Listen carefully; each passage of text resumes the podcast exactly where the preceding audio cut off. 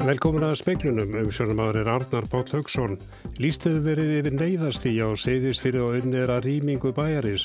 Stór öskriða fjall á þriða tímanum í dag að minnst ákosti tíu hús eru skemmt.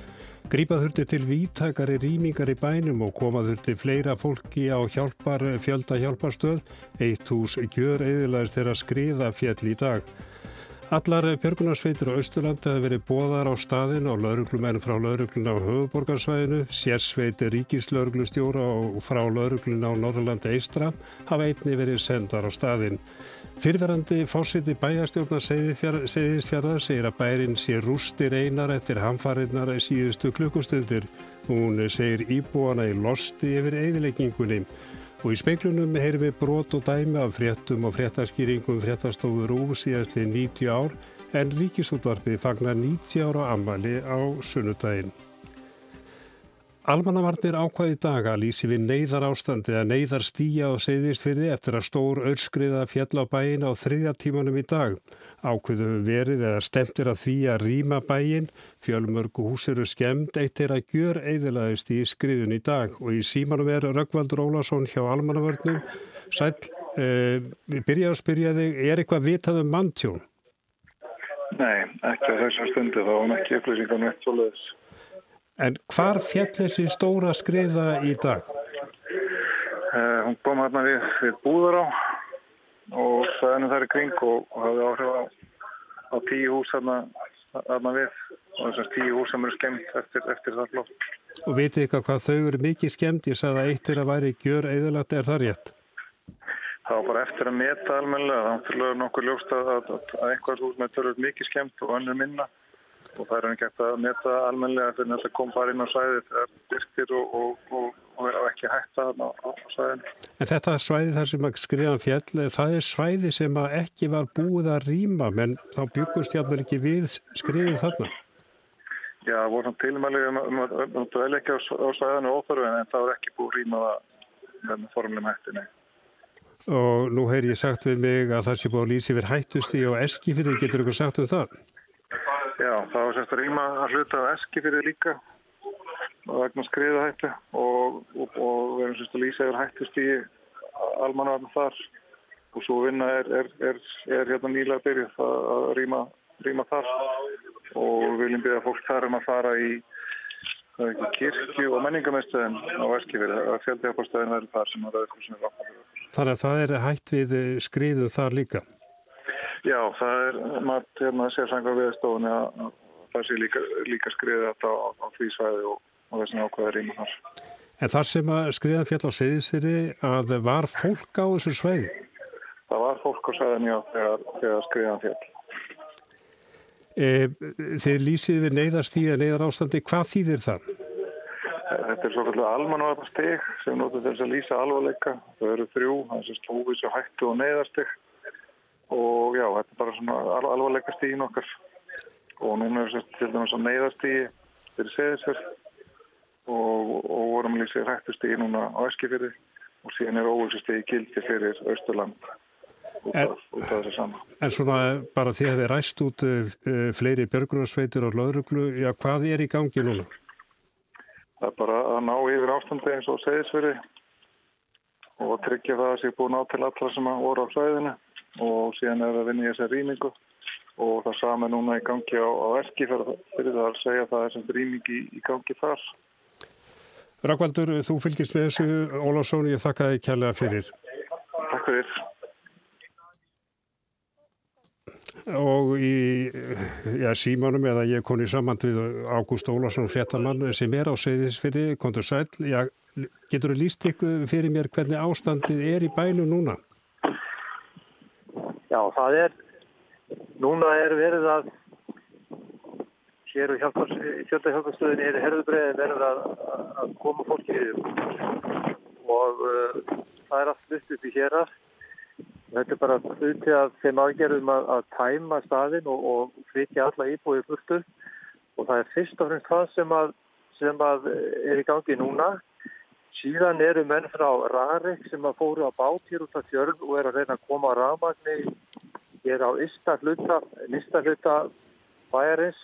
Skriðusvæðið er verið með rafmagnslöst og, vatnarsvæði það fyrir utan og uh, síðan er náttúrulega bara verið að undirbúa það vantarlega að komast inn á skriðisvæðið og, og líta yfir það, það tjón sem það var því að menn hann ekki geta fara þar inn á út að skriða þetta og, og það er náttúrulega og eftir að skoða það allt saman.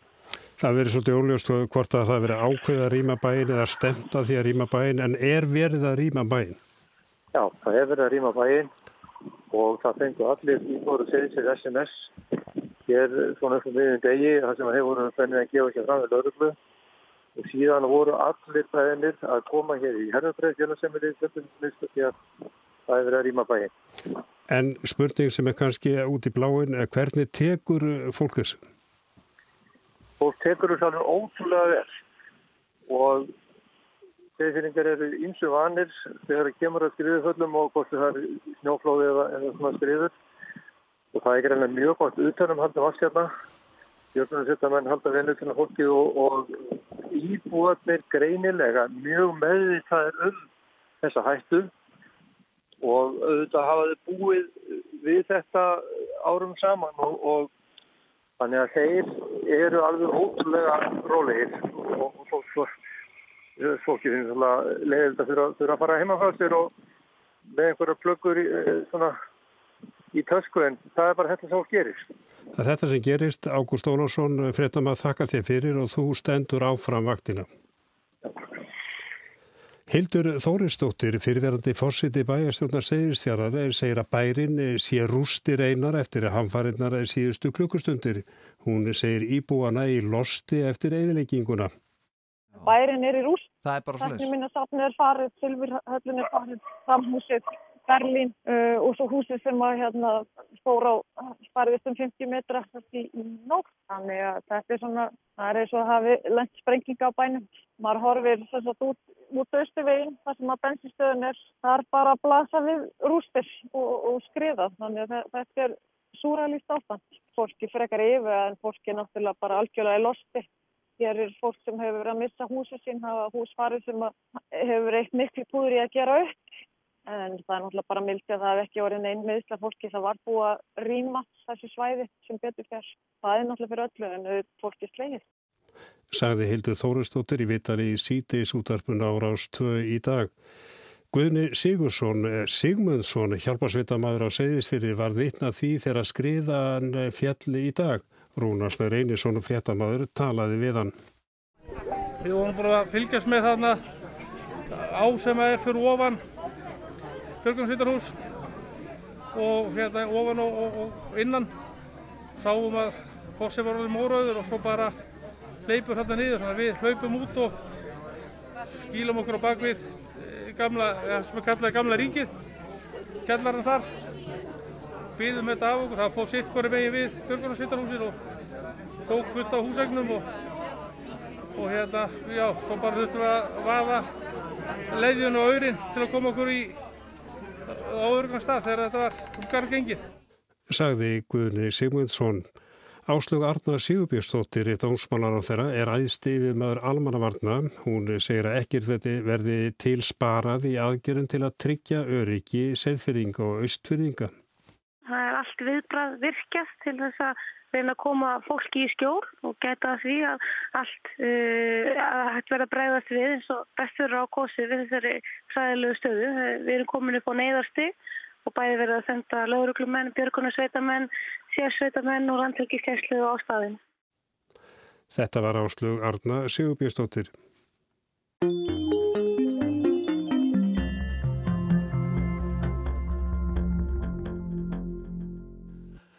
Fréttir og fréttaskýringar hafa verið á dagskrá Íslandska ríkisútvarsins frá fyrsta degi sem var þann 20. desember 1930.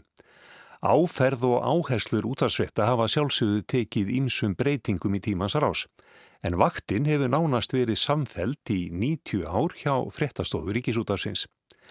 Hér á eftir heyrum við brot eða brota brota þessari sögu úr fréttum, fréttaaukum og fréttaskýringa þáttum röttum kvenna og karla sem starfað hafa við að abla frétta og lesa fréttir. Sigrún Augmundsdóttir var fyrsta þauðla ríkisútarsins og hún las fréttir á fyrsta útsendingardegi að kvöldi lögardagsins 20. desember 1930. Þá gata heyra frétta málaflokki sem hefur verið bísna ábyrrandi allar götur síðan. Deilum um kaup og kjör. Útvarp Reykjavík. Hér koma fréttinnar. Atvinnuleysi er nú mikið í nálega öllum löndum heims og er hvarveitnað aukast. Aðeins í Fraklandi er atvinnuleysi mjög lítið. Mönnum þeim sem síðast fengu Nobelsverlaun er nú haldinn veysla mikil í Óslo að viðstöldum konungi norðmanna, krónprinsi og þingmönnum. Kaupdeila vinnustöðvinni Garnastöðin í Reykjavík. Samband íslenskra samvinnufélaga á Garnastöð í Rauðarórholti í Reykjavík. Unnið er 5-6 mánuði ársins. Starfsfólk er nú 34 stúlkur og 2 karlar. Kaup kvenna er 35 krónur á viku fyrir 50 stunda vinnu. Það jafngildir 70 aurum um klukkustund. Deila hefur nú risið út að kaupi þessu. Stjórn verkakvennafélagsins framsóknar krefst hækkunar upp í taksta félagsins. Hann er 80 aurar um klukkustund. Hækkunin nefnir því 10 aurum um klukkustund.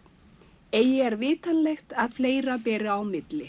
Þetta var Sigrún Augmundsdóttir í fyrsta fréttatímaríkis út á sinns að kvöldi 20. desember 1930.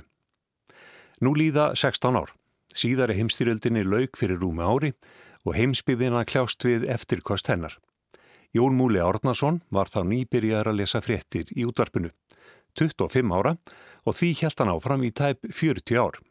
Svona hljómiðu nokkra fréttir 13. november 1946. Nú verða að segja fréttir. Fyrst er ágrip frétta frá London. Utanríkis áþarar fjórveldana rætu um dríjesti samningana í kvöld. Antoni Íden, fyrirverðandi utaríkisráþara Breitlands, hefur sagt að Breitland geti ekki óendanlega staðið við skuldbindingar sínar gagvart Tískalandi ef aðrar þjóðir gerir það ekki einnig. Óverðir aukast í norður héröðum Gríklands og telur gríska herrstjórnin að þær séu raunverulega styrjöld kommunista gegn grísku stjórninni. Ágrip innlandra Fórseti Íslands, herra Sveit Björnsson og frú hans buðu fulltrúum á 19. þingi Alþýðusambas Íslands til bestastada í dag. Var þeim síndur staðurinn og skýriði fórsetin hinnum erlendu fulltrúum sögu hans. Sigurður Guðmundsson, skólamestari á Akureyri, lagði í dag Hortstein að heimavistarhúsi mentaskóla Akureyrar en í gær hafði hann bóð inni í tilefni dagsins. Húsmæraskólin að Löngumýri var settur 5. oktober. Fréttastofinni hefur borist tímaríti hlín, ársrít íslenskra kvenna 2009. árgangur. Efni rýtsins er fjölbreytt, minningargreinar, greinar um uppeldismál, kvæði og fleira. Þá hefur fréttastofinni borist bæklingurinn er landbúnaðurinn stór hættulegur fyrir þjóðina eftir Jón H. Þorbergsson ef þetta sérfremtun úr 59. árgangi búnaðarýtsins. Brúarfoss fór frá Kaupmannahöfn 12. þessa mánadar til Reykjavíkur. Fjallfoss er vendanlegur til Reykjavíkur í kvöld klukkan 22 frá húl. Jón Múli las frettir 13. november 1946 og endaði á skipafrettum. Stefan Jónsson byrjaði á frettastofinni þetta ár aðeins 23 ára. Hann var hugmyndaríkur frettamæður og með þeim allra fyrstu til að átta sig á möguleikum útvarsins í frettamennskunni. Hann forðaðist tilkynningastagl og við tölvið fyrir menni í hljóðstofu en fór þessi stað tíðum með segulbrannstækið út á meðal vinnandi fólks, nostraði við klippingu og bjóð til skemmtilegar hljóðmyndir. Í fréttaði kæ í apríl 1952 fór hann í róður með húsvíska línubátnum Hagbarði. Nú er senn mánuður eftir að vetra vertíð. Enn í vetur er sjórin sóttur fast á Suðunessjum. Meðal vertíðar báta hér síðra er Hagbarður frá Húsavík, 47 lasta bátur, eign bæjarfélagsins þar á staðnum. Hagbarður rær frá Reykjavík að kalla í vetur hefur beitninga á aðgerðapláss í sjóbúðunum vestur á Grandagarði og landmenn íbúð í selbúðunum. Í sjóbúð hagbarð er verið að stokka línu þegar við komum þangað. Nývarnir smella, í borðinu er piltarnir skera frosna síldina af kappi. Við spyrjum Hallmar Helgarsson um mismun þess að beita frosinni síld og lónum.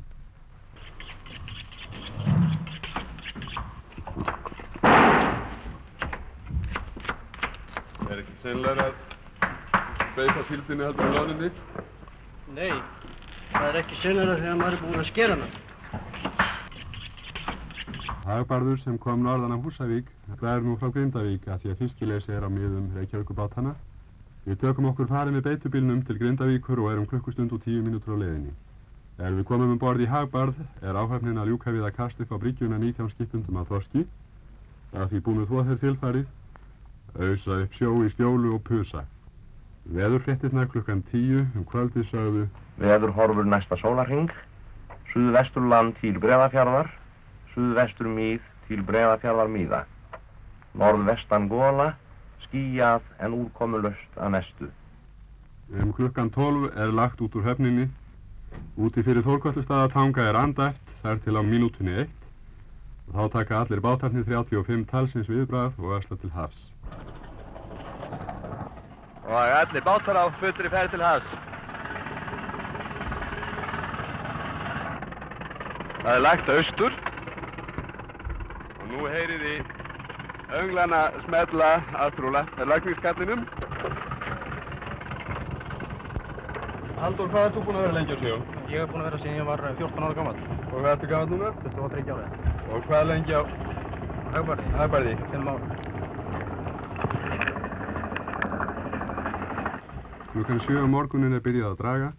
Það er stilt veður eins og spáð var, bara þessi venjulega vetrar ilgja í sjónum sem nægir til þess að gera manni svima og óþægind í maganum. Klukkan hálf fjögur er búið að draga alla línuna, aflinn er 13 skipund og við minnumst á fiskifælur við skipstjóðan. Já, það er eins og eitri frá sér. Já. Stefán Jónsson í Róðri Suður að Grindavík vorið 1952. Í desember 1957 var haldinn ráþerafundur Allafsars bandalagsins í París.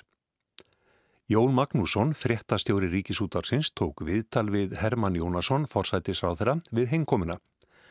Óætt er að segja að viðtöl við forsættisráþera fari öðruvísi fram í dag en fyrir rúmum 60 árum.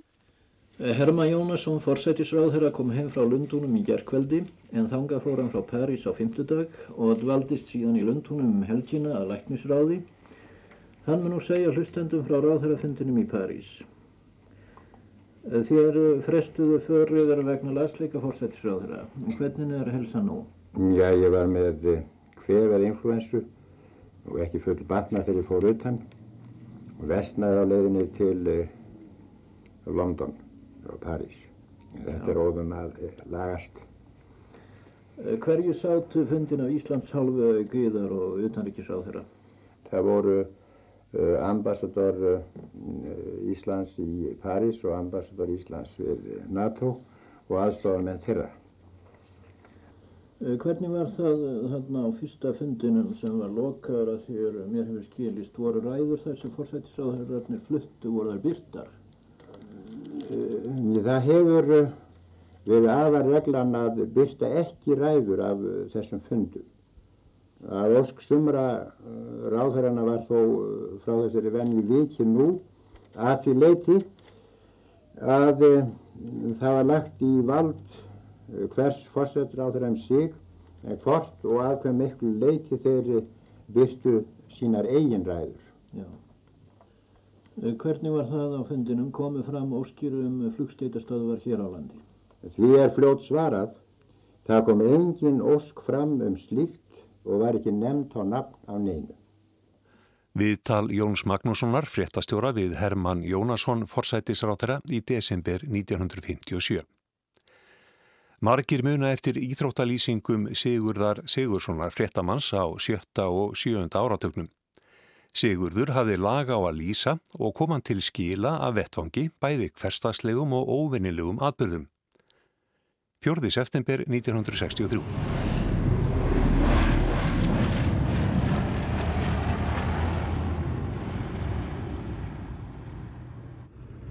Hér við afgriðslu loftleiða á Reykjavíkuflugvelli er allmart manna sem býður komu Eiríks Rauða en meðal farþegi í vélinni er nýkjörinn fegurðardrottning heimsins Guðrún Bjarnadóttir frá Njarvíkum.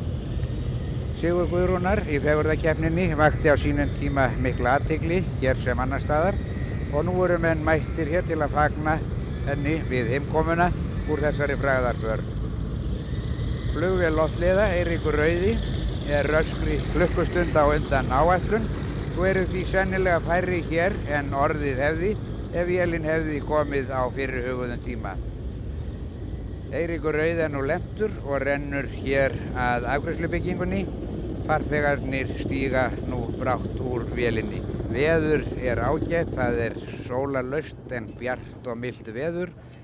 Fegurðardrottningin Guðrún Bjarnadóttir stígur nú út úr flugvílinni, Eiríki Rauða. Hún er með fangið fullt af blómum, bláklætt, mjög snotur eins og vænta má. Ljósmyndarar eru fjölmennir hér og þeir smetla nú myndum af fegurðardísinni. Flugstjórin stendur við hlýðanar í stíganum.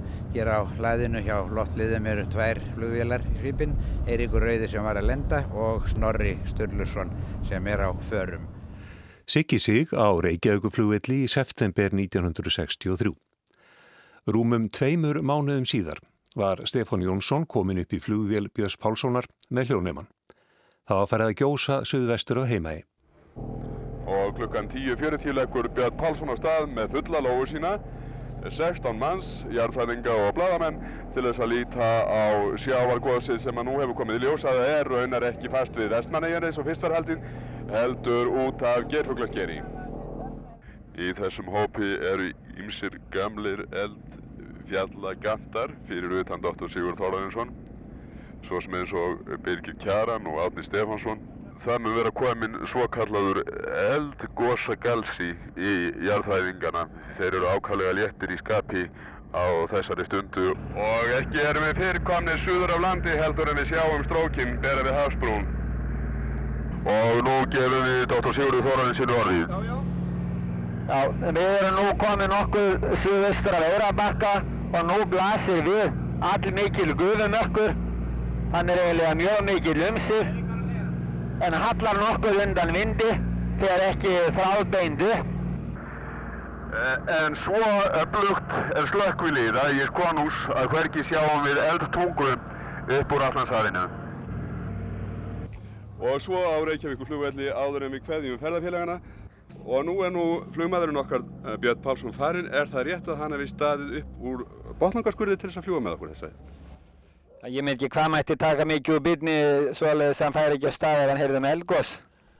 Sigurður Þórarinsson og Stefán Jónsson í góðum gýr í Surtsegagósinu. Frettaflutningur af kostningum hér innan lands hefur ætið verið fyrirferðað mikill hjá frettastofinni. Engverjar þær eftirminnilegustu voru forsetakostningarnar 1980. Háttegisfrettir 30. júni 1980.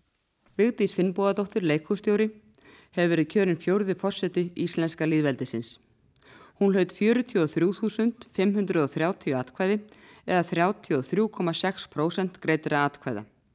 Vigdís Finnbóadóttir nýkjörinn fórseti Íslands er fætt í Reykjavík 15. april 1930 og er því rétt 50. Fóreldrar hennar eru Sigriður Eiríksdóttir fyrirverandi hjúgrunarkona og Finnbói Rútur Þorvaldsson hafnarverkfræðingur og prófessor en hann lést fyrir nokkrum árum. Vigdís er ógift og á eina kjördóttur Ástriði sem er 7 ára að aldri. Það var ljóst um klukkan 6 í morgun að Vigdís Finnbóadóttir hafði hlotið tröst flestra kjósenda. Hún var þá þegar kvött í sjóansal þar sem Helgi H. Jónsson og Sigrún Stefansdóttir fréttamenn rættu við þennan í beinni útsendingu útvarps og sjónvarps. Vigdís Finnbóadóttir var spurð hvernig henni liði. Mér líður svolítið engjörnuleg, ég verði að hjáta það. Þetta hefur verið sérkjænlega nótt og uh, já, þetta var svona aldrei lengi að ráðast hvernig myndi fara. En ég get ekki neyta því, ég er ákala stolt og ég fagna því að Íslendingar skuli hafa valið sér konu fyrir fórseta.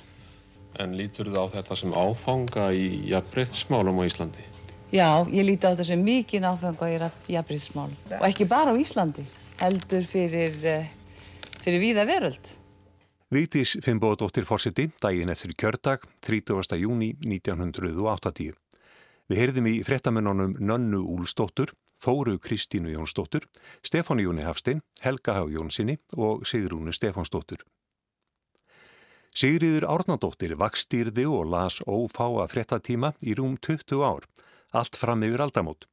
Hún saði meðal annars frá komu Páa hinga til hans í júnibyrjun 1989. Þóta Jóhannesar Páls Páfa annars lendir á keflavíkuflúilli klukkan 13 á laugardag og fer aftur tæpum sólarhing síðar eða um hádegi á sunnudag. Fyrsta verk Páfa þegar hann stýgur út úr flugvilinni er að kissa jörðina. Hann hefur stundum þurft að fara til landa sem að svona fyrir kannski einhvers konar mistökuð miskilning og hann hefur nú alveg látið sig hafa það hvað sem hann er statur þannig ég vona að leggja þann sé ekki það hér á landi. Þetta var Ólafur Há Torfarsson. Frá leifstöð likur leiðin að Bessastöðum þar sem Páfi á fund með Vigdísi Fimbo og dóttur Fósetta Íslands. Þessu næst veitir Páfi katholska söfniðinum á Íslandi áheirn í Landakotskirkju og að þeirri aðtöflokkinni likur leiðin til Þingvalla. Þar verður samkirkjuleg aðtöfn. Við hefum vonað því að þarna verði geti verið um mjög sögulegan og eftirmillegan atbyrðaræða því að við vitum að Páfi ber mikla virðingu fyrir Þingvallum sem helgistað og skinjar að því leiti okkar tilfinningar til staðarins Atöfnin á Þingvöllum hefst um klukkan hálf sex og stendur fram undir sjö. Sigriður Árnandóttir fyrir rúmum 30 árum. Að öðrum ólastöðum þá hefur Brotti Brottason verið rött fréttastofur ríkisútarsins síðustu þrjá áratvíi. Og það gengur oft mikið á í beinum útsendingum í hátegis fréttatíma þegar eldgós, jarskjáltar eða fárviðri skella á. Viðtöl út og suður og ekki alltaf farið eftir skrifuðu handriti. Brotti var á vaktinni 11. desember í fyrra. Ílviðrið sem gekk við flesta landsluta í gær náði til Östurlands snemma í morgun og veldur ramarsleysi og ófærð. Það er meðal annars ramaslust hjá á okkar stjórnstöð ríkisútarsins á eigilstöðum en Rúnarsnæ Reynisson okkar maður, hann er í aðgerðastjórn almannavarna á eigilstöðum. Já, takk fyrir það broti. Austfyrringar, við vorum auðsir við óveðrið í gær en í nótt færðist augað eða miðja stormsins austur fyrir land og norðanstrengurinn lagðist yfir norðaustur og austurland. Eh, hér á Eilstöðum var aðgerðastjórn almannavarna virkjuð klukkan fjögur í nótt og um klukkan sjö í morgun var búið að loka öllum fjallvegum. En það líkur fyrir að það er spáð foráttu veðri undir vatnajökli, sunnan undir vatnajökli. Hrafnildur Ævarsdóttir, formaður Björgunarsveitarinnar Kára í Öræfum, hún er í skaftafelli. Er þetta bálviðri brostið á Hrafnildur? Uh, ég myndi nú ekki segja það. Hviðutan eins og eru yfirbunna í kringum 30 metrar á sekundu. Það var aðeins í morgum sem það slagaði í 45 metrar á sekundu hjá okkur í skaftafelli. Að ég feiknarlega öflugan. Björgunarsveitarbíl Dreka, ef ég mann rétt, er hann ekki Já. þá í startólunum? Jú, hann er núna bara á í heimahúsi í Svínafelli og er tilbúin til nótkunnar ef kalli berst. Takk fyrir þetta Hrafnildur. Við vonum að þetta fari ekki mjög illa þarna hjá okkur fyrir austan. Takk kærlega fyrir það. Alright. Það gæti tekið nokkrar vikur að laga rafmaksdreifikerfið að fullu eftir ílviðrið. Hátt í 100 manns í vinnuflokkum á vegum Rarik og Landsnets hafa staðið í ströngu við að greina bílanir í rafkerfum og lagfæra. Og vona menn haldi út í þeim þrældómi sem framundan er í þessum viðgjörðum. En þá skulum við heyra hvernig horfunar eru. Birta Líf Kristinsdóttir, veðurfræðingur á veðurstofinni. Í svona stuttumáli, hvernig er spáinn bara í dag? Það er að draga úr vindinum Vestalands og í raunum að segja að fyrir austan þá hafi